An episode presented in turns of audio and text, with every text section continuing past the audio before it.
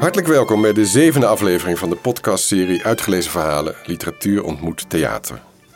In deze reeks maak je even simpel als effectief kennis met het korte verhaal in zijn vele verschijningsvormen. We vragen beroepsacteurs ze te komen voorlezen in de theater tijdens een avondvullend programma met verhalen en muziek. Ik ben Pieter van Scherpenberg, samensteller van dat programma. En in deze podcast hoor je de mooiste verhalen van die avonden terug. Deze extra lange aflevering is volledig gewijd aan de keizer, of misschien nog liever tsaar van het korte verhaal, Anton Pavlovich Tsjechov. Hij schreef zes prachtige toneelstukken die nog steeds gespeeld worden. En hij produceerde nog veel meer verhalen in zijn relatief korte leven. Hij werd slechts 44 jaar. We kijken vandaag naar zijn werk en zijn leven. Dat doen we met Tsjechov-kenner en bewonderaar Wouter van Oorschot. Hij was tot 2015 directeur van uitgeverij van Oorschot, die door zijn ouders kort na de Tweede Wereldoorlog werd opgericht. Waar we in deze aflevering naar op zoek gaan is wie is de mens achter de verhalen van Tsjechov. We doen dat in het gesprek en ter illustratie laten we drie verhalen van Tsjechov horen die we eerder in het theater opnamen. Of eigenlijk vier, want we bieden je als luisteraar een bonusverhaal in een losstaande editie. Dus zoek die op als je deze aflevering beluisterd hebt. Dat doen we zo apart, omdat de aflevering anders veel te lang gaat worden. Dat verhaal zelf duurt al bijna een half uur. Bewaar het dus voor een lange trein of autorit. Vandaag hoor je drie verhalen in deze podcast. Blijdschap uit 1883, Op Kamers 1885, Moeilijke Mensen 1886 en in de bonus dus Over de Liefde uit 1889. Maar nu eerst nog even heel kort een inleiding over Tsjechov als verhalenschrijver. Dankbaar geciteerd uit het nawoord van de vertaalster I. Prins in deel 1 van de vijfdelige verzamelde werken. Aan het begin van deze eeuw heruitgegeven in nieuwe vertaling bij Van Oorschot. Een prachtige reeks had ik al gezegd, vijf delen in dun druk, die eh, sinds kort ook compleet in mijn kast staat. Het gaat hier om zijn vroege periode, wat de, wat de gekozen verhalen betreft, kort na zijn studie geneeskunde in de jaren 80 van de 19e eeuw. En ik citeer: Hij stak de draak met de bekrompenheid, corruptie, kruiperigheid en platheid van zowel de arme boeren en de ongeletterde stedelingen als van welgestelde en meer ontwikkelde. Hoewel hij de menselijke onvolkomenheden ridiculiseerde, hield hij zich ver van politiek, ook als student al. Als schrijver voelde hij zich niet geroepen om met zijn werk mensen te stichten of op te voeden. Wel rijst uit zijn anekdotische verhalen een beeld op van de logge van standsbesef doordrongen maatschappij waarin hij leefde. Einde citaat. Goed, kunnen we beginnen met het eerste verhaal. Dat is, zoals ik al zei, blijdschap. Voor de hoofdpersoon is dat nog een zwak uitgedrukte emotie, zul je horen. In de Amerikaanse vertaling die ik heb gezien is de titel Rapture geworden. Wat meer verrukking of vervoering betekent. Maar laten we er geen vertaalkwestie van maken, want ik heb immers geen idee wat de originele Russische titel was. De opname van het verhaal is recent, 27 december 2018, tijdens onze voorstelling in Deventer. En werd voorgedragen door drie acteurs, die ieder een rol voor hun rekening namen. Dat was op zichzelf wel een vernieuwing van ons concept, want normaal hoor je één acteur een verhaal voorlezen. Na afloop reageerde het publiek dan ook enthousiast op deze aanpak. Je hoort tegelijk, of in ieder geval ieder in hun eigen rol, Sophie Joan Wouters als Mitja, Leonalie Chifteggi als de ouders en Margot de Geest als verteller in het verhaal uit 1983 met als titel Blijdschap. Het was middernacht. Opgewonden, het haar in de war, vloog Mitja Kolderhof de woning van zijn ouders binnen en liep snel alle kamers af.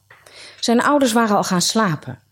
Zijn zus lag in bed en las de laatste bladzij van een roman. Zijn broers, gymnasiasten, sliepen. Waar kom jij vandaan? Vroegen zijn ouders verbaasd. Wat is er met jou? Oh, schij uit. Ik, ik had het absoluut niet verwacht. Nee, ik had het absoluut niet verwacht. Het, het is zelfs ongelooflijk. Mitja schaterde het uit en ging in een stoel zitten. Van geluk niet bij machten op de been te blijven. Het is ongelooflijk. Jullie kunnen het je niet voorstellen. Kijk! Zijn zus sprong uit bed, sloeg een deken om zich heen en liep naar haar broer. De gymnasiasten werden wakker. Wat is er met je? Je ziet er niet uit. Dat is van blijdschap, mama. Want heel Rusland kent mij nu. Heel Rusland.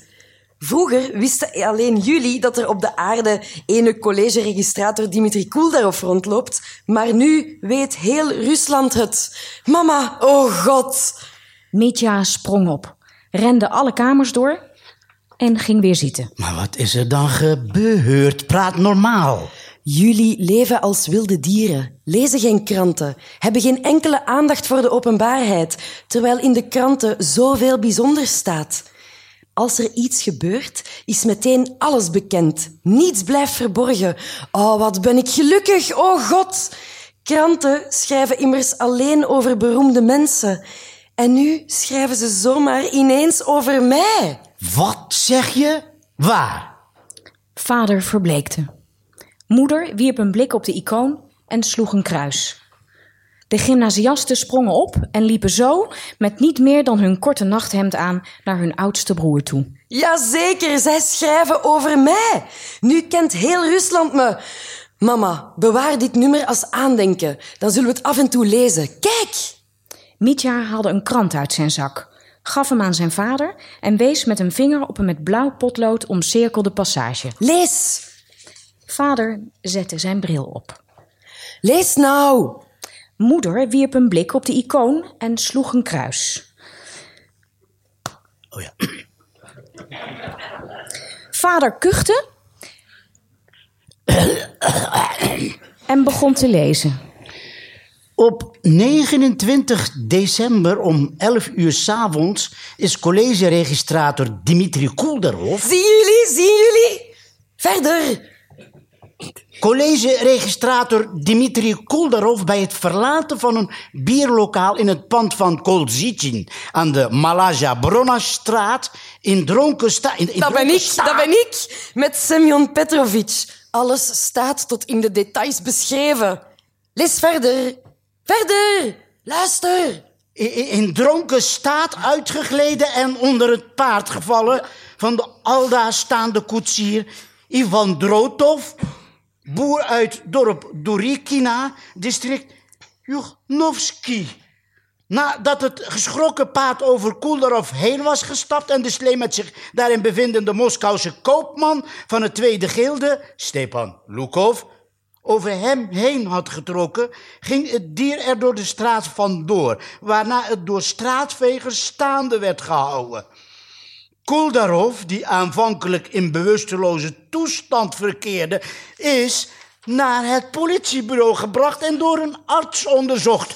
De klap welke hij op het achterhoofd had gekregen, Dat was van de Disselboom, papa. Verder. Lees verder.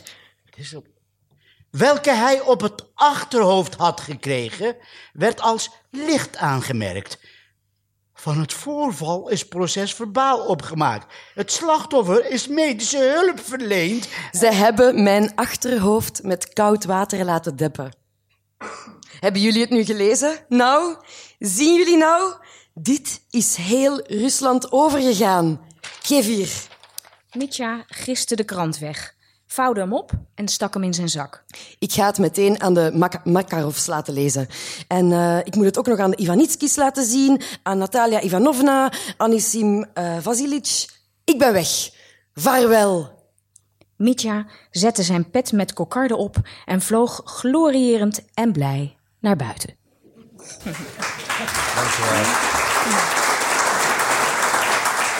Wouter van Oorschot, je bent kenner van het leven en werk van Tsjechov. En dit verhaal wat we net hoorden is betrekkelijk jong in zijn oeuvre. Zijn eerste verhalenbundel, waar dit vast in stond, eh, verscheen een jaar na het schrijven van het verhaal, in 1884. Vind je het een goed voorbeeld van zijn vroege werk?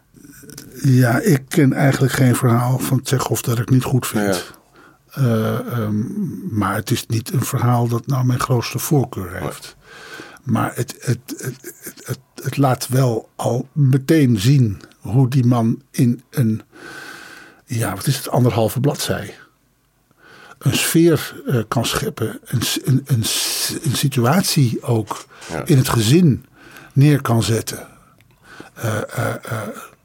Wel wat dingen die helemaal niet gezegd worden, maar die blijken uit de manier waarop hij schrijft over de, hoe die jongen dat doet. Dat je, ja, het is fenomenaal is dat. Het is, ik heb, ja, elke grote schrijver die, eh, die kenmerkt zich natuurlijk door het feit dat hij een heleboel dingen niet hoeft op te schrijven, omdat hij het beter kan. Of Ja. dat hij sugge- hè? Eh, een groot een Nederlands voorbeeld is A. Alberts, is een eh, grote, ben ik een grote fan van ben. Die kon dat ook heel goed. En, eh, maar ja, eh, hoe oud is Tsjechov hier? De 21, 22 als hij dit schrijft? Ja, eh, er zijn heel veel boeken van veel ouder geworden schrijvers. Die dit, die, dit, die dit niveau Halen. van nu al niet halen. Nee. Dus ja. Overigens een, een klein beetje eh, een, kenner van het leven ben ik niet heel echt. En ik heb, het, eh, ik heb eh, zijn verzamelde werken in de Nederlandse vertaling intussen wel drie keer gelezen. Eén keer in de oude vertaling van Timmer, Ja. Charles Timmer. En tijdens het maken van deze nieuwe vertaling met AI, Prins Anne Stoffel en Tom Ekman eh, eh, natuurlijk in de drukproeven. Ja. Eh, en daarover pratend met ze. En verder blijf ik er gewoon in lezen. Dus ja, het werk. Ja, Is goed bekend. ja sommige verhalen beter, omdat ik, omdat ik ook sindsdien een beetje. Ja, ik ben een soort evangelist van Tsjechov geworden. Ik ben dat gaan voorlezen in boekhandels. al vrij snel. En, de, en, en dan zit je met ook maximaal een uur, anderhalf, twee uur. En je kunt nu eenmaal geen lange verhalen voorlezen, want dan ben je al snel een paar uur verder. Ja. Dus het concentreert zich een beetje. En Ja. het zakt natuurlijk ook weer weg. Verhaal. Maar over het algemeen is het zo. Nu als ik een verhaal opnieuw oppak. Dan denk ik, oh ja, Dat was daar ging het over. En dan, eh, maar dan ben ik wel zoveel details weer vergeten. Als ik, dat ik het toch weer als opnieuw lees. Ja. En van geniet. Steeds weer opnieuw. Ja. Mooi. En dat is. Dat overkomt mij maar bij maar heel weinig schrijvers. Mhm. ja. En wat voor, wat voor man zat er nou eigenlijk achter dat werk? Want er- is niet zoveel over bekend. Er is een prachtig fotoboek, eerst in Duitsland en eh, in 2015 ook nog in het Nederlands verschenen. Over Ja, het foto's is, kijk, dat, is, dat fotoboek, dat is echt eh, zijn leven in beelderen, heet Ja. het eh, bij Diogenes verschenen. Dat is wat het is. Ze hebben alle foto's die er überhaupt bewaard zijn gebleven, of die ze hebben kunnen terugvinden, die hebben ze eh, bij elkaar gestopt met commentaar erbij. Eh, of verhalen over het, over het leven. En het is dus een typisch een boek voor, eh, voor fans en bewonderaars. Ja. En eh, eh, ik ben over het algemeen. Ik heb, ik heb maar één iemand bij wie ik, van wie ik ook fotoboeken heb gekocht. Dat is Bob Dylan. Omdat ik daar al jarenlang eh, een beetje mee behept ben. Maar, eh, maar van Tsjechov moest en zou ik het ook eh, hebben. Want ja. ik zou die man zo ontzettend graag hebben willen kennen. Ja. Mooi is dat. of in ieder geval. Ja, ik denk dat hij daar niet op zat te wachten. Zoals Dylan daar ook niet op zit te wachten dat ik hem leer kennen. Dus het hoeft ook niet in het echt. Maar ja, je hebt toch met zo'n fotoboek het idee dat je wat. Dichter bij iemand komt. Ja, Ja. wat een illusie is, maar, maar toch. En dus natuurlijk, hij heeft lang. eh, Dus, dus je ziet al die fotootjes over hoe toen hij een jongetje was. En hoe hij in Taganrog daar bij de Zwarte Zee enzovoort. Ja, en, dan, en dan later natuurlijk met die, met die baard, met al die foto's die daarvan bewaard zijn gebleven. En die prachtige ogen van die man Ja. ook. Ja, elke kijkt je aan. Ja, nou. Ja, ik liet aan mijn vrouw zien. Zei ook, wat het was een mooi man. Zeg. ja, het was een mooie man ook nog. Ja, ja, dat vind ik wel. Ja. Hij had dan ook veel bewonderaarsters. Ja, ja. En zijn er nou verhalen waarin zijn persoonlijkheid enigszins doorklinkt? Die, eh, Nou, bijna niet. Nee? Bijna niet. Nee, eh, hij, hij, eh, er zijn geen eh, autobiografische verhalen, bij mijn weten. Nee. Eh, eh, ik heb natuurlijk niet alles gelezen. Want ik lees, spreek en schrijf ook geen Russisch, net als jij. En ik moet het met de Nederlandse vertaling doen. Maar ik, in de verzamelde werken, zoals hij ze zelf heeft uitgekozen. In, 2000, eh, in 1902 heeft hij een contract gesloten met de uitgever Adolf Marx. Eh, eh, daar komen geen autobiografische verhalen in voor. Althans niet in de ik-vorm. Nee. Er komen sowieso bijna geen verhalen in voor in zijn werk van een, waarin een ik aan het woord is. Dus je moet op zoek naar passages eh, waarin ik, dat heb ik later geleerd met een dure term, het generieke je. Ik. ja, en het generieke je, dat is dus zoals je dus in, onderling met elkaar spreekt. En je hebt het niet per se over jezelf. Dat je zegt, maar, nou dan ga je daar en daar naartoe. Dan is het een je, maar dat ben jij niet. Dat is Men. men, men, het generieke je. En heel soms komt daar. Komt, eh, nou, ik heb een paar passages eh, gevonden en, en, en meegenomen ook. Waar, waarvan ik denk van daar zou je hem wel eens kunnen zien. Oké. En verder er zijn relatief toch wel aardig wat verhalen waar een, een arts in voorkomt. Dat was hij. En dat was hij zelf ook. Maar altijd in de hei. Het gaat al, ja. En, eh, dus ja, hij zal zeker veel uit eigen ervaring hebben kunnen opschrijven. Maar waar hij zelf zit, dat eh, weet je niet. Kan je, kan je iets voor eh, Ja, ik heb hem. Ik heb hem lezen? Om, ehm, een citaat. Even kijken hoor. Ehm, hij heeft twee pogingen gedaan tot een roman, wordt er wel gezegd. Die allebei dan mislukt heten te zijn. Het ene is een is drama op de jacht. En het andere dat heet De Steppen. En dat is een heel lang verhaal van ongeveer 100 bladzijden. Waar, eh, wat eigenlijk alleen maar gaat over een, over een jongetje dat naar de middelbare school moet. En dat vanuit de provincie eh, op een karavaan van een aantal wagens naar Kiev wordt gebracht, waar hij naar de middelbare school moet en in de kost zal gaan bij een vriendin van zijn moeder. En verder gaat het hele verhaal nergens anders over dan die tocht over die steppen. En daar gebeurt dus helemaal niks in, in het hele verhaal. En eh, eh, Maar toch boeit. nou, ik denk dus, ja, het, is- ja, het is een prachtig verhaal. Een prachtig verhaal. En je denkt dus heel soms dat je dan een glimp van Tsjechov opvangt. Hij heeft de steppen geschreven in 1888. Toen was hij 28 jaar oud. Gaat als volgt. Oordelen over de onmetelijke diepte en de bodemloosheid van de hemel kun je alleen op zee en s'nachts in de steppen als de maan schijnt. Je rijdt een uur of wat. Een nachtvogel scheert geruisloos over de aarde. En langzaam maar zeker komen je de steppenlegenden voor de geest. Verhalen van passanten. En alles wat je zelf tot nog toe hebt gezien. En wat je ziel begrepen heeft. En in het geknister van de insecten. In de diepe hemel. Het maanlicht. En de vlucht van een nachtvogel.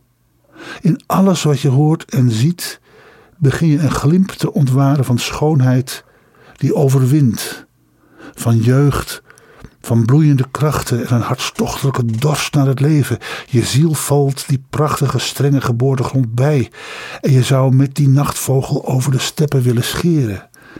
En in die triomferende schoonheid, in die overdaad aan geluk, voel je een spanning en weemoed, alsof de steppe beseft dat ze eenzaam is dat haar rijkdom en bezieling zomaar door niemand bezongen en door niemand begeerd voor de wereld teloor zullen gaan.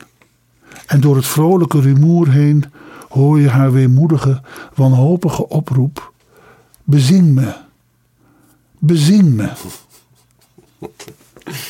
Ja, prachtig. En ik denk, dat lijkt dus alsof hij zich hier alleen prijsgeeft in het ene woord geboortegrond. Ja. Maar wie bezinkt haar? Hij. Ja, ja. En ik vind dat zo, ja. Ja, ik vind het adembenemend mooi, vind ik dat. Ja. Ja. Er is een aardig verhaal over, of wat bij dat, eh, dat verhaal eindigt ermee. Dat dat jongetje door zijn oom bij die vriendin of kennis van zijn moeder wordt achtergelaten. In de outskirts of town van Kiev, eh, waar de straten al niet meer bestaan, mo- modderwegen veranderd zijn. Ergens op een huis met een binnenplaats met ganzen en poep en troep en rotsen en schapen en zo. En, eh, en dat eindigt dan met de opmerking van, ehm, een soort algemene opmerking van, ehm, dat die. eh, eh, en dat morgen het nieuwe leven voor Serjoja, voor dat heet, op het op, op punt stond te beginnen. En dan eindigt hij met de vraag: hoe zou dat leven zijn? Daar eindigt het verhaal mee. Het verhaal werd eh, een soort doorbraak voor, voor hem naar het wat grotere publiek. Iedereen in Rusland die kent dat gevoel van die steppen. natuurlijk waars- of, of waarschijnlijk uit, uit- uit eigen beweging. En ze wilden dat hij een vervolg zou schrijven daarop. Want iedereen wilde inderdaad weten, ja, Hoe gaat dat dan? hoe gaat dat dan verder met dat jongetje? Ja. En hij heeft dat afgewezen met een soort eh, zi- één zin van. eh, Nee, dat doe ik niet. Dat kan toch alleen maar slecht aflopen. Mm. Ja. Ja, ik denk dat het goed is om nu dan verder met het tweede, tweede aangekondigde verhaal te gaan. Net als in het eerste is, speelt het in de huiselijke sfeer, maar nu in een omgeving waar kamers verhuurd worden. Een moeder die haar dochters probeert te beschermen tegen de boze buitenwereld. Tenminste, dat lijkt in het begin het gegeven. Het werd opgenomen tijdens onze gloedvolle editie op Lowlands in 2015, waar we te gast waren in de Romeo-tent. Dus behalve popmuziek wordt er ook nog wel iets aan literatuur gedaan op Lowlands. En we mochten daar eh, een programma van drie kwartier verzorgen. Behalve uh, was er toen eh, een verhaal van Saki, die niemand meer kent. En, ehm, en van Kampert, de jongen met het mes, wat ik ook nog een geweldig eh, verhaal vind. De geluidsopname is daarom ook eh, niet van hoge kwaliteit. Eh, Want om het festival gedruis te overstemmen... heeft volgens mij de technicus de, de microfoon wat te ver opengezet. En Joske de Koning, de actrice, leest ook wat hard voor. Niettemin, het verhaal blijft staan. Luister naar Anton Tjechos verhaal Opkamers uit 1885... vertaald door Tom Eekman. Horens, beste man. Zo werd de kamerverhuurder bestormd door de purperrode en spikzelrijke bewoonster van kamer nummer 47, de kolonelsvrouw Nashatrina. U moet me of een andere kamer geven, of ik ga helemaal weg uit uw rotkamers. Dit is toch geen dorpskroeg hier? Gaat u eens na. Ik heb opgroeiende dochters. Hier hoor je dag en nacht niets dan smerige taal. Waar lijkt dat op? Dag en nacht. Die man gooit er soms dingen uit waar je oren van klapperen. Een koetsier is er niets bij. Nog een geluk dat mijn arme meisjes geen idee hebben, anders zou ik nog met ze de straat op moeten. Hij is nu weer aan de gang, hoort u maar. Ik ken nog een sterker geval, makker. Klonk een schorre basstem uit de aangrenzende kamer. Weet je nog, die eh, luitenant uh, Druskevich? Nou, die scoorde eens met een gele bal in de hoek en tilde zoals hij gewoon was, dat weet je, zijn been daar hoog bij op. En ineens hoorde je. Wij dachten eerst dat hij het biljartlaken opengehaald had, maar kerel, toen we beter keken, zagen we dat alle naden van zijn broek gescheurd waren. Hij had zijn poot zo hoog opgetild dat er geen naad meer heel was. en er waren dames bij, hè? Onder andere de vrouw van die kwijlenbabbel, tweede luitenant Oekerin. Nou, Oekerin pisnijdig. Hoe durfde hij zich zo impertinent te gedragen waar zijn vrouw bij was? Enfin, van het ene woord kwam het andere. Nou ja, je kent ontslag van mensen. Oekerin stuurde secondanten naar Druskovic. Maar hij was ook niet gek. Die zei, laat ze niet naar mij toesturen, maar naar de kleermaker die mijn broek genaaid heeft. Het is toch dun schuld? Ja. Lilia en Mila, de dochters van de kolonelsvrouw, die aan het raam zaten met hun poezelige wangetjes op hun vuisten gesteund, sloegen hun gezwollen oogjes neer en bloosden. Hebt u het nu gehoord? zette Nashta Trina haar betoog tegen de huisbaas voort. Vindt u dat soms niets bijzonders? Mijn man is kolonel, meneer, militair bevelhebber. Ik kan het niet goed vinden dat een of andere koetsier bijna in mijn bijzijn zulke smerige praatjes verkoopt. Um, het is geen koetsier, mevrouw, uh, maar stafkapitein Kikin van adellijke komaf. Als hij zijn adellijke afkomst zo vergeten is dat hij zich uitdrukt als een koetsier, dan verdient hij nog meer verachting. Kortom, staat u nu te redeneren, maar neemt u alstublieft maatregelen. Maar wat kan ik doen, mevrouw? U bent niet de enige die klaagt. Iedereen klaagt. Maar wat kan ik tegen hem uitrichten? Als ik zijn kamer binnenkom en op zijn gemoed ga werken... Hannibal Ivanovic, vrees de heer, schaamt u zich? Komt hij meteen met zijn vuisten op me af en begint te schelden. Ik trek me niets van jou aan, mannetje. En zo meer. Het loopt de spuigaten uit. Als hij s'morgens wakker wordt, loopt hij excuseer in zijn ondergoed over de gang. Of als hij dronken is, pakt hij zijn revolver en schiet kogels in de muur. Overdag slaat hij drank naar binnen en s'nachts krijg je hem niet van de kaarten weg. En na het kaarten heibel maken, ook schaam mij voor de bewoners. Maar waarom gooit u die schurk er niet uit? Alsof je zo iemand op straat kunt zetten. Hij is drie maanden huur achter. We vragen hem niet eens meer om geld als hij alsjeblieft maar ophoepelt. De vrederechter heeft hem ertoe veroordeeld zijn kamer te ontruimen, maar hij gaat in hoger beroep, in, in cassatie. En zo wordt de zaak gerekt. Niets dan narigheid en lieve help. Wat een man is het. Nog jong, nog knap, met een goed verstand. Als hij niet dronken is, is er geen betere kerel te vinden. Laatst, laatst was hij niet dronken en zat hij de hele dag brieven aan zijn ouders te schrijven. Ach, arme ouders, zuchtte de kolonelsvrouw. Zegt u dat wel? Het is geen lolletje om zo'n nietsnut als zoon te hebben. Hij wordt uitgescholden, uit kamers gezet. Er is geen dag dat hij niet voor de een of andere uitspatting naar de rechtbank moet komen. Het is een ellende. Wat moet zijn arme vrouw ongelukkig zijn? Zuchtte de kolonelsvrouw. Oh, hij is niet getrouwd, mevrouw. Hoe zou die?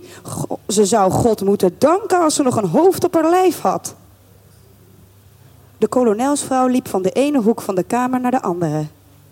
Zo, dus hij is niet getrouwd? vroeg ze. Oh, nee, mevrouw. Ze beende weer op en neer en dacht even na. Hmm, niet getrouwd, zei ze pijnzend. Hmm, ja. Uh, Lilia, Mila, zit niet zo bij het raam. Het tocht. Wat zonde. Een jonge man die zich zo heeft laten gaan. Hoe komt dat? Omdat hij geen goede invloeden ondergaat. Geen moeder die hem... Niet getrouwd?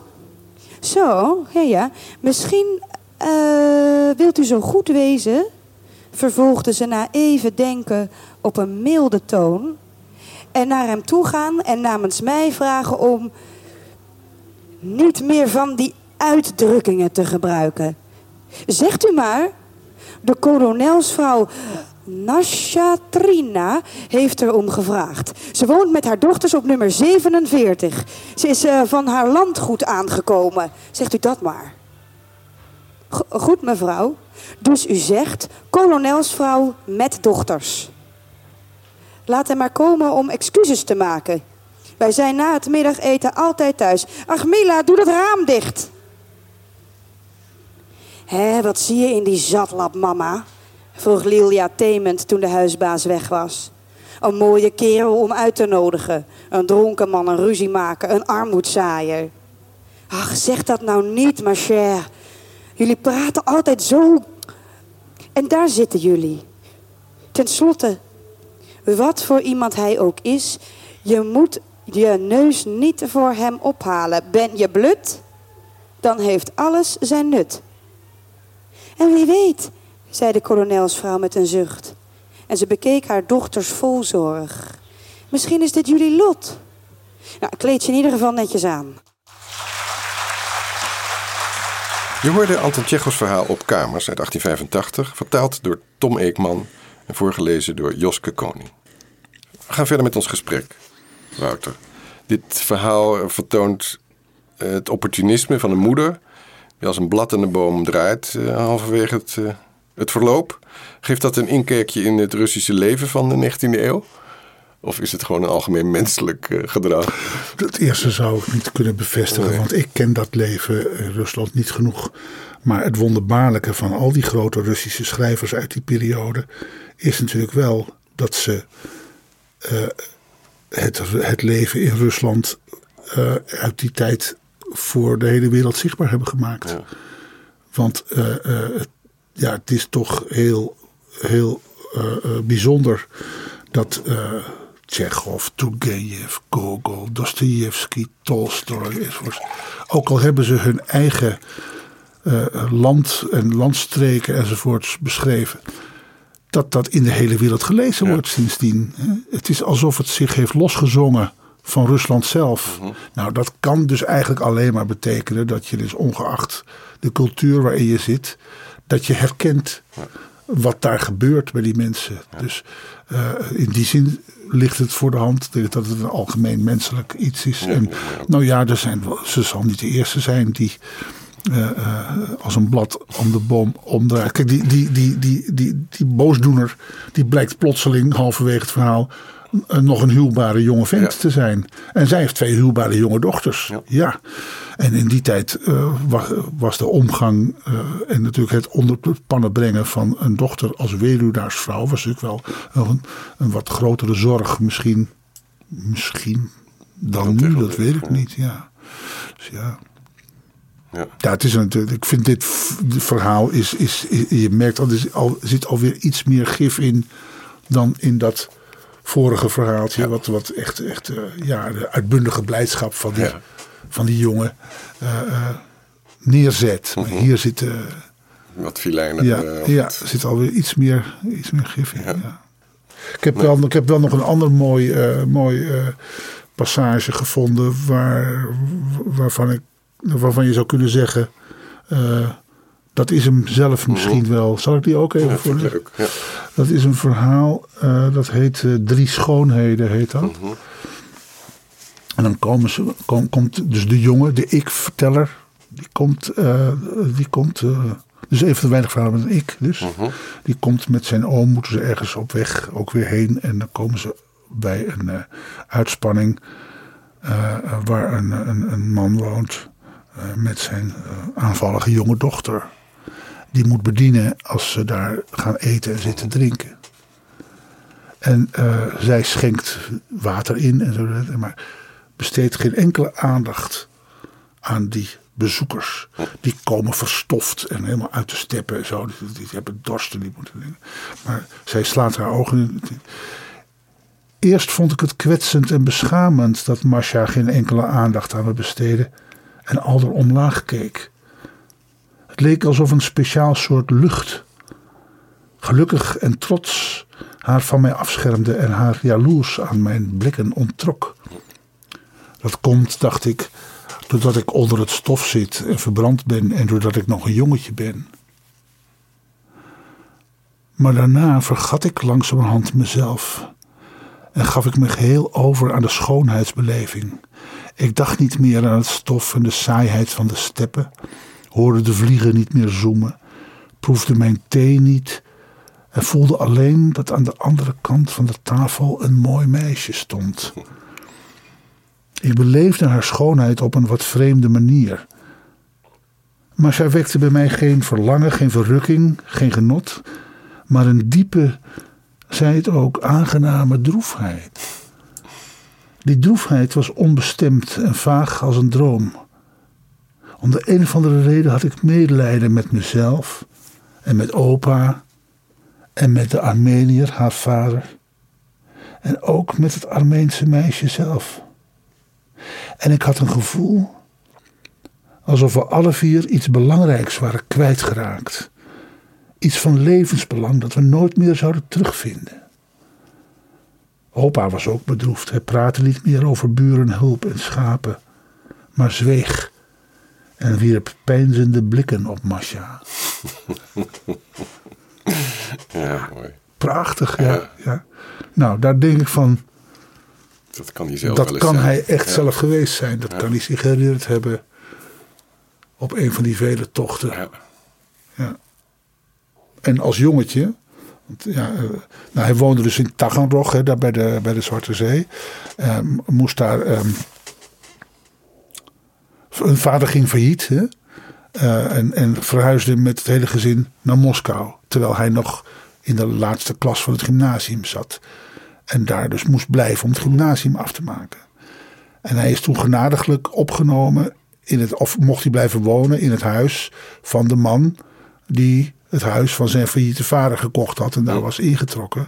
Op voorwaarde dat hij de dochters van die man bijlessen zou geven.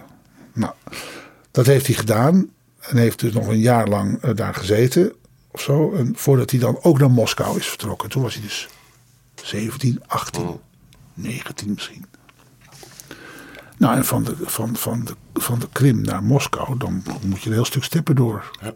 Zeker in die tijd. Dus kan zijn dat hij daar gewoon, ja, dat hij zoiets heeft meegemaakt en zich later heeft herinnerd. Ja. En als ik dus uh, bedenk, uh, zelf al bedenk, dat ik die man zo graag zou hebben leren kennen, omdat hij uh, zo aardig over, men, over onze soort schrijft. Karel van Dreven heeft in zijn geschiedenis van de Russische literatuur heeft hij dat, heeft hij dat mooi opgeschreven. Even kijken of ik dat heb. Ja. Bij vele andere auteurs, zegt Karel van Dreven, bestaat de traditie dat na afloop van het verhaal of de roman of het stuk de mensen, voor zover ze niet dood zijn, gelukkig te laten worden. Aan het eind van Oorlog en Vrede is iedereen gelukkig getrouwd. Vaders en zonen eindigt met een dubbele bruiloft. Zelfs misdaad en straf heeft een soort happy ending.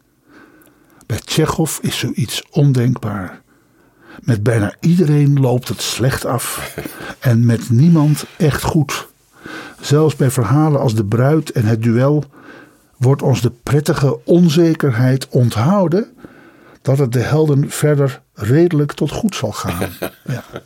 Dat is, uh, dat is uh, maar tegelijkertijd, uh, zelfs de grootste kluns of echt ronduit klootzak of mhm. patser of zo. Ze komen echt allemaal voor. Ja. Gluiperige ambtenaren, uh, vreselijke mensen allemaal.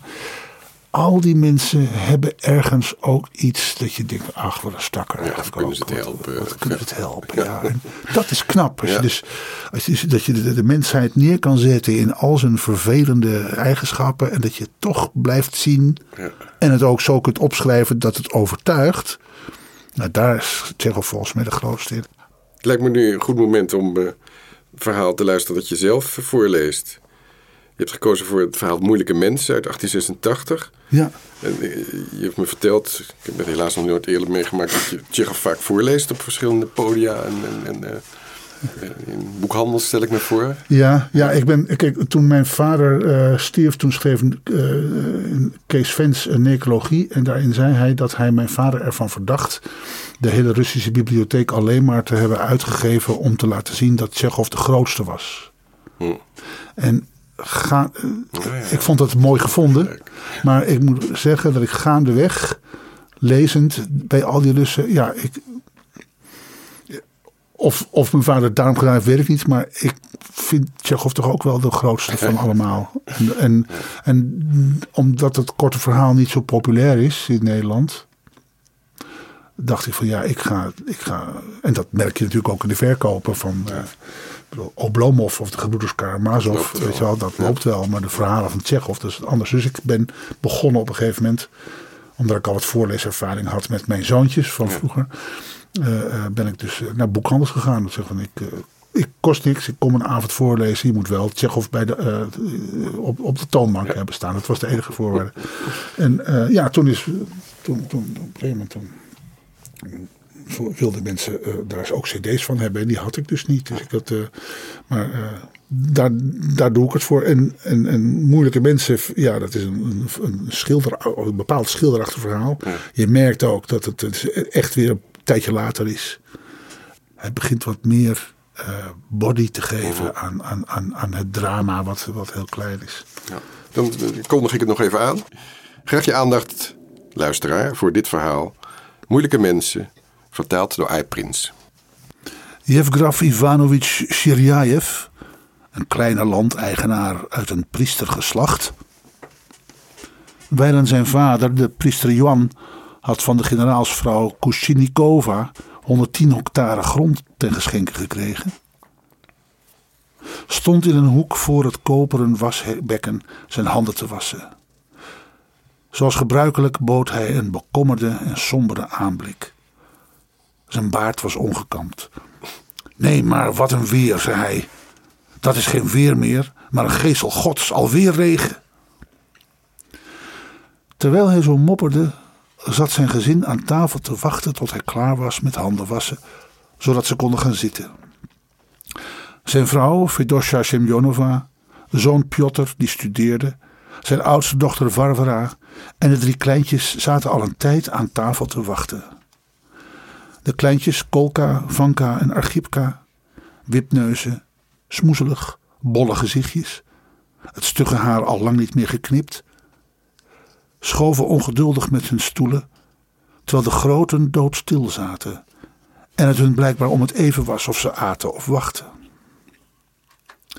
Als om hun geduld op de proef te stellen, droogde Sirjajev traag zijn handen, zei traag een gebed en ging op zijn gemak aan tafel. Meteen werd de koolsoep opgediend. Van buiten kwam het geklop van timmermans bijlen. Liet een nieuwe schuur bouwen. En het lachen van de knecht Fomka die een kalkoen pestte. Tegen het raam tikten nu en dan dikke regendruppels.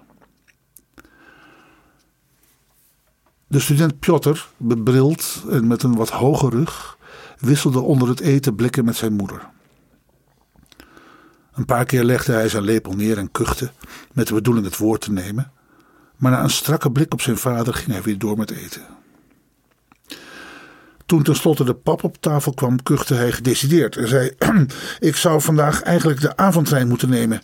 Het is al lang tijd en ik heb nu al twee weken gemist. De colleges beginnen altijd op 1 september. Ga maar, stemde Shirjaev in. Waarom zou je hier blijven wachten? Doe maar, ga met God.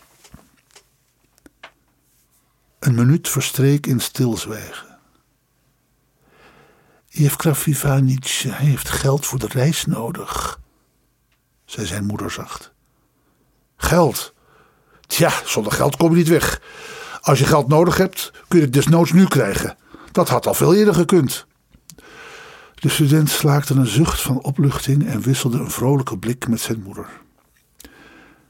Sirjaev haalde bedaard zijn portefeuille uit zijn zijzak en zette zijn bril op. Hoeveel moet je hebben? vroeg hij. Uh, naar Moskou alleen al is het 1142. Ach, ach, geld, geld, verzuchtte zijn vader. Hij zuchtte altijd als hij geld zag, zelfs als hij het kreeg. Hier heb je twaalf. Het wisselgeld zal je onderweg pas, pas komen, vriend. Dank u. Even later zei de student: uh, Vorig jaar heb ik niet meteen lessen gevonden.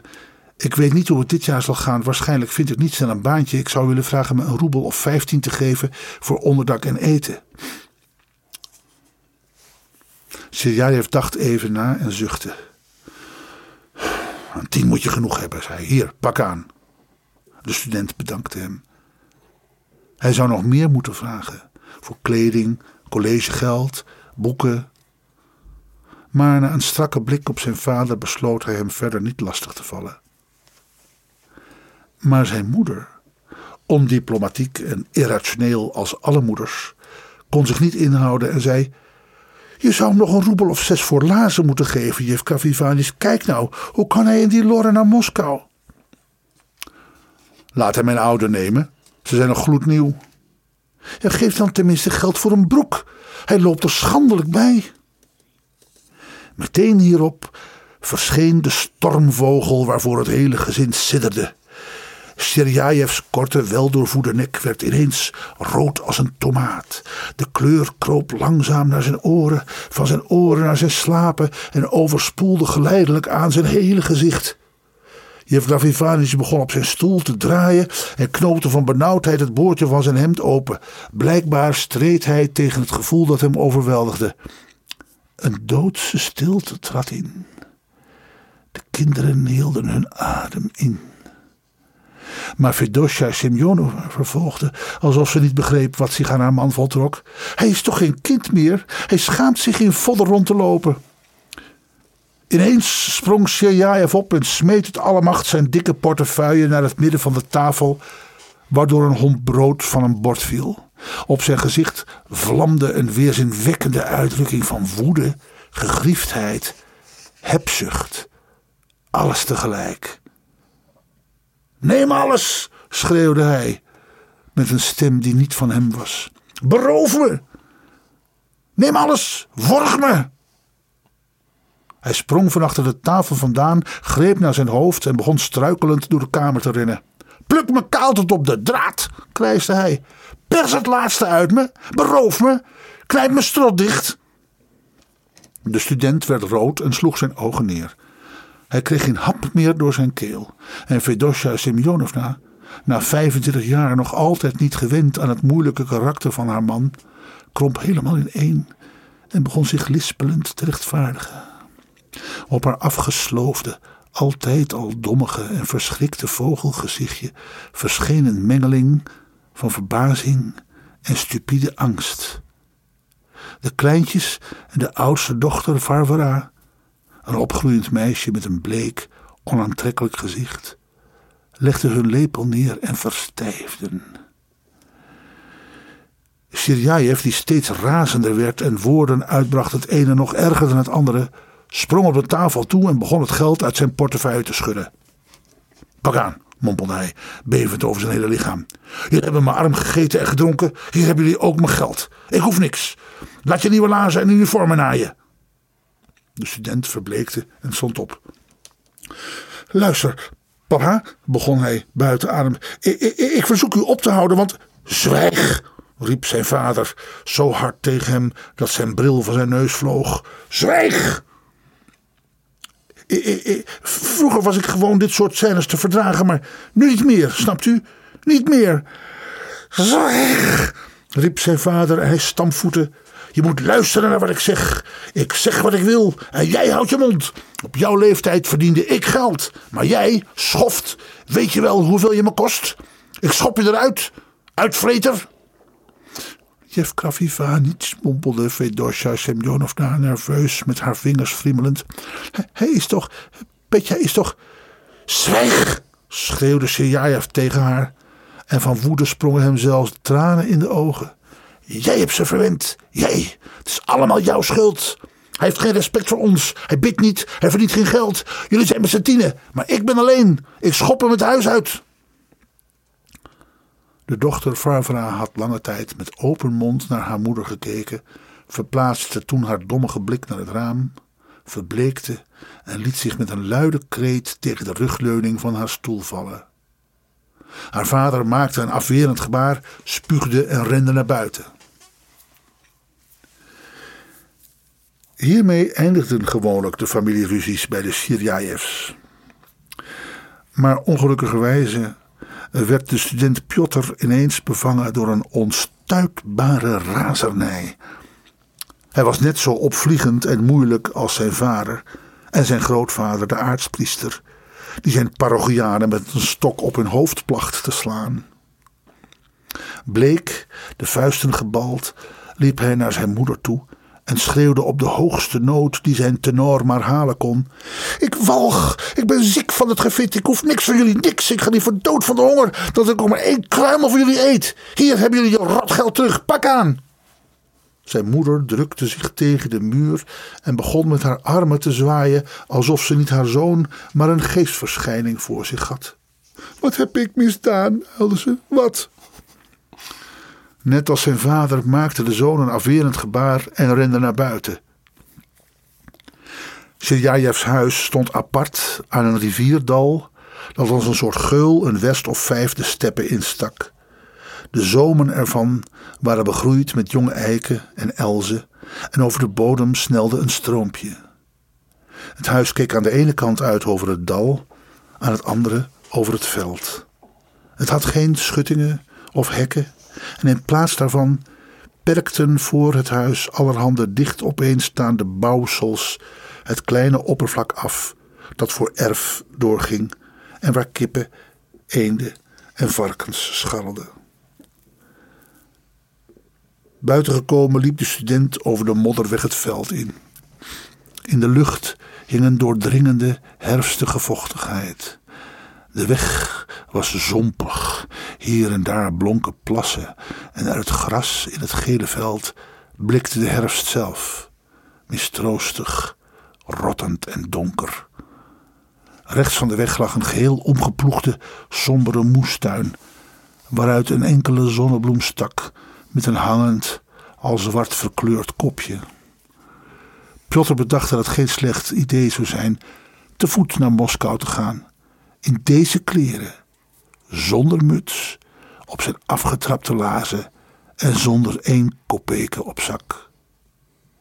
Bij de honderdste westpaal zou zijn verfomfaaide en geschrokken vader hem inhalen, hem gaan smeken terug te keren, of geld aan te nemen. Maar hij zou hem nog geen blik waardig keuren en blijven lopen, lopen.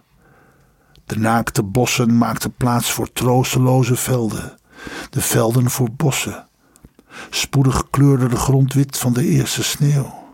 IJs overtoog de riviertjes. In de buurt van Kuskov, Sepugovo, zeeg hij verzwakt en stervend van de honger ineen en ging dood. Zijn lijk werd gevonden en in alle kranten verscheen het bericht dat daar en daar die en die student van honger was gestorven. Een witte hond met een smerige staart, die op zoek naar iets in de moestuin rondscharrelde, keek naar hem op en schokte achter hem aan. Hij liep over de weg en dacht aan de dood, aan het verdriet van zijn naasten, de morele kwellingen van zijn vader. En meteen schilderde hij zich alle mogelijke reisavonturen, het enige nog buitennissige dan het andere, pittoreske plaatsen, huiveringwekkende nachten, toevallige ontmoetingen. Hij stelde zich een stoet bedevaartgangsters voor, een hutje in het bos met één raampje dat helder oplichtte in het duister. Hij stond voor het raampje, vroeg onderdak voor de nacht, en ze lieten hem binnen. En plotsklaps zag hij de rovers. Of nog mooier, hij belandde in een groot landhuis, waar men hem zodra bekend werd wie hij was, te eten en te drinken gaf en voor hem op een vleugel speelde, zijn weeklachten aanhoorde en de beeldschone dochter des huizes verliefd op hem werd. Verdiept in zijn verdriet en dergelijke gedachten liep de jonge Sherjajev al maar door. Heel ver weg tekende zich tegen de grijze achtergrond van wolken een zwarte pleisterplaats af. Voorbij de pleisterplaats, helemaal aan de horizon, was een klein heuveltje zichtbaar. Dat was het treinstation. Het heuveltje herinnerde hem aan de verbinding die bestond tussen de plek waar hij nu was en Moskou, waar lantaarns brandden, rijtuigen ratelden, colleges werden gegeven. Hij barstte bijna in huilen uit van ellende en ongeduld. Deze majesteitelijke natuur, met haar orde en schoonheid, en deze doodse stilte rondom, stonden hem tegen, tot vertwijfeling, haat aan toe. Eh, kijk uit, hoorde hij een luide stem achter zich. In een elegante, lichte landauer passeerde een hem bekende oude grondbezitster. De student boog voor haar en glimlachte breed uit. En onmiddellijk betrapte hij zichzelf op deze glimlach, die helemaal niet paste bij zijn sombere stemming. Waar kwam die glimlach vandaan, als zijn hele ziel vol ergernis en weemoed zat?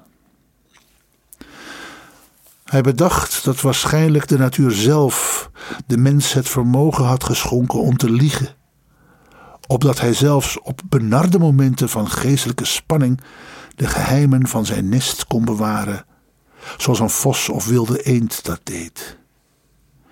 Ieder gezin had zijn vreugde en zijn verschrikkingen. Maar hoe groot ze ook waren, vreemde ogen konden ze moeilijk zien. Ze bleven geheim. Zo had de bloedeigen vader van deze grondbezitster, die er net was langsgereden, vanwege een of ander duister zaakje zijn halve leven de toorn van tsaar Nicolaas met zich meegedragen. Haar man was aan het kaarten verslingerd geweest en van haar zonen was er niet één goed terechtgekomen. Je kon je wel indenken hoeveel verschrikkelijke scènes zich in haar gezin hadden afgespeeld. Hoeveel tranen er daar vergoten waren. Maar intussen leek het oude vrouwtje gelukkig, tevreden en had ze zijn glimlach met een glimlach beantwoord. De student herinnerde zich zijn kameraden die niet graag over hun familie vertelden. Zijn eigen moeder die bijna altijd loog als ze over haar man en haar kinderen moest praten. Tot aan de schemering liep Piotr ver van huis over de wegen en gaf zich over aan zijn sombere gedachten. Toen het begon te motregenen, ging hij op huis aan. Onderweg besloot hij, koste wat kost, met zijn vader te praten en voor eens en altijd duidelijk te maken hoe zwaar en verschrikkelijk het was om met hem te leven. Hij trof het huis in rust aan. Zijn zus Varvara lag achter het kamerscherm en kreunde licht van de hoofdpijn. Zijn moeder zat met een verbaasd en schuldig gezicht naast haar op een hutkoffer en verstelde een broek van Archipka. Jevgraf Ivanic liep van raam tot raam en maakte zich kwaad over het weer. Aan zijn manier van lopen, zijn hoesje en zelfs zijn achterhoofd was te zien dat hij zich schuldig voelde. Dus je hebt je bedacht om vandaag te gaan, vroeg hij. De student kreeg medelijden met hem. Maar hij bedwong dat gevoel ogenblikkelijk en zei: eh, Zeg vader, ik moet serieus met u praten.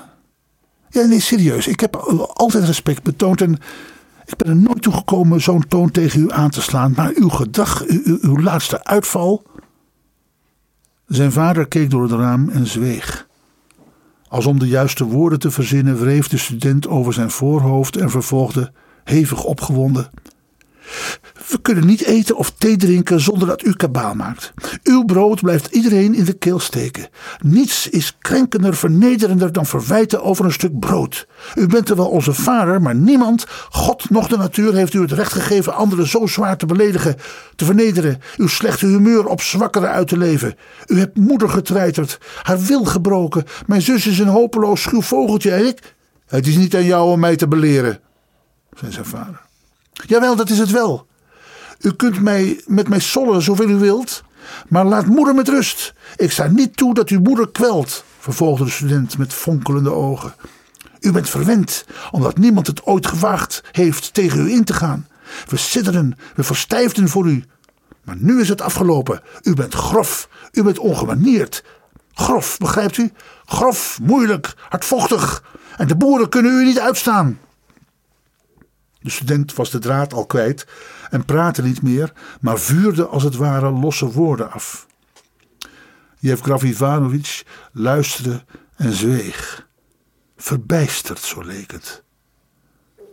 Maar opeens werd zijn nek diep rood. De kleur kroop over zijn gezicht en hij kwam in beweging. Zwijg, riep hij.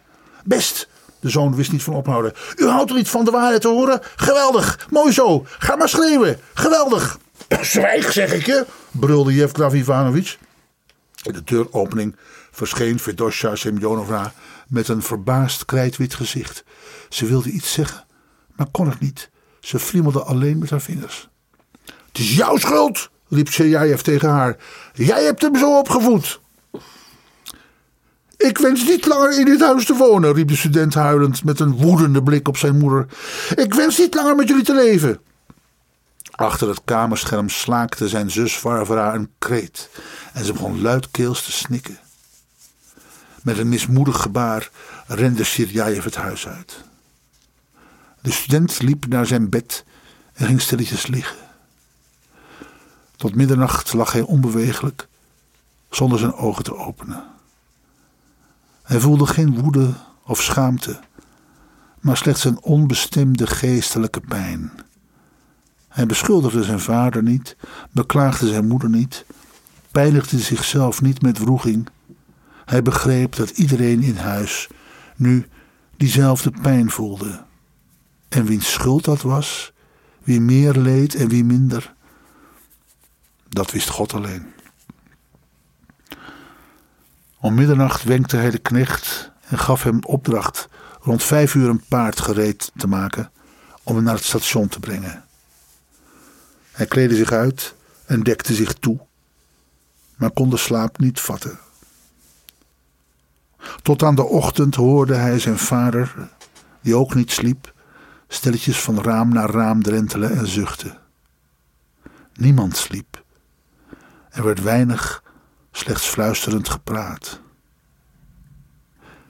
Twee keer kwam zijn moeder bij hem achter het kamerscherm.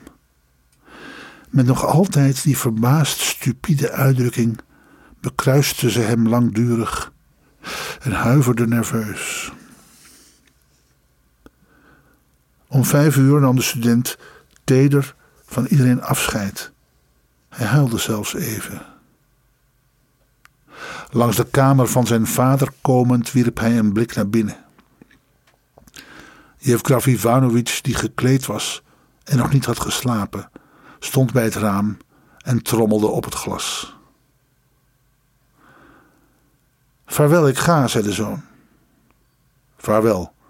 Geld ligt op het ronde tafeltje, zei zijn vader terug, zonder zich om te draaien.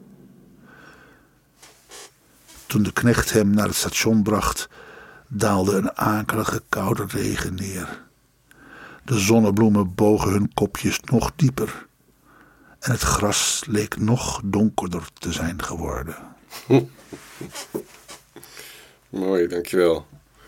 Je hoorde Wouter van Oorschot, het verhaal van Anton Tchekhov uit 1886 voorlezen met als titel Moeilijke mensen in een vertaling van Ai Prins.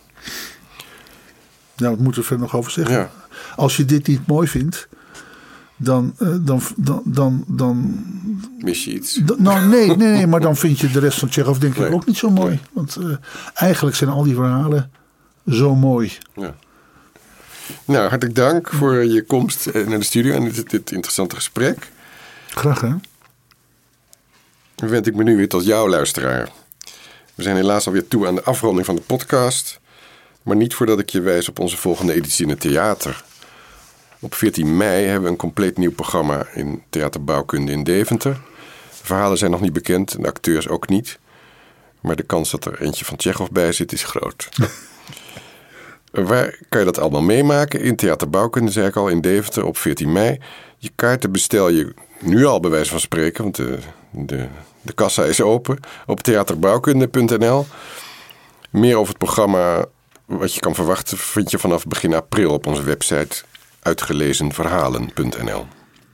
Dan over onze volgende podcast. Is ook nog niet zoveel bekend, behalve de datum van verschijning. Want die proberen we echt elke eerste van de maand te doen.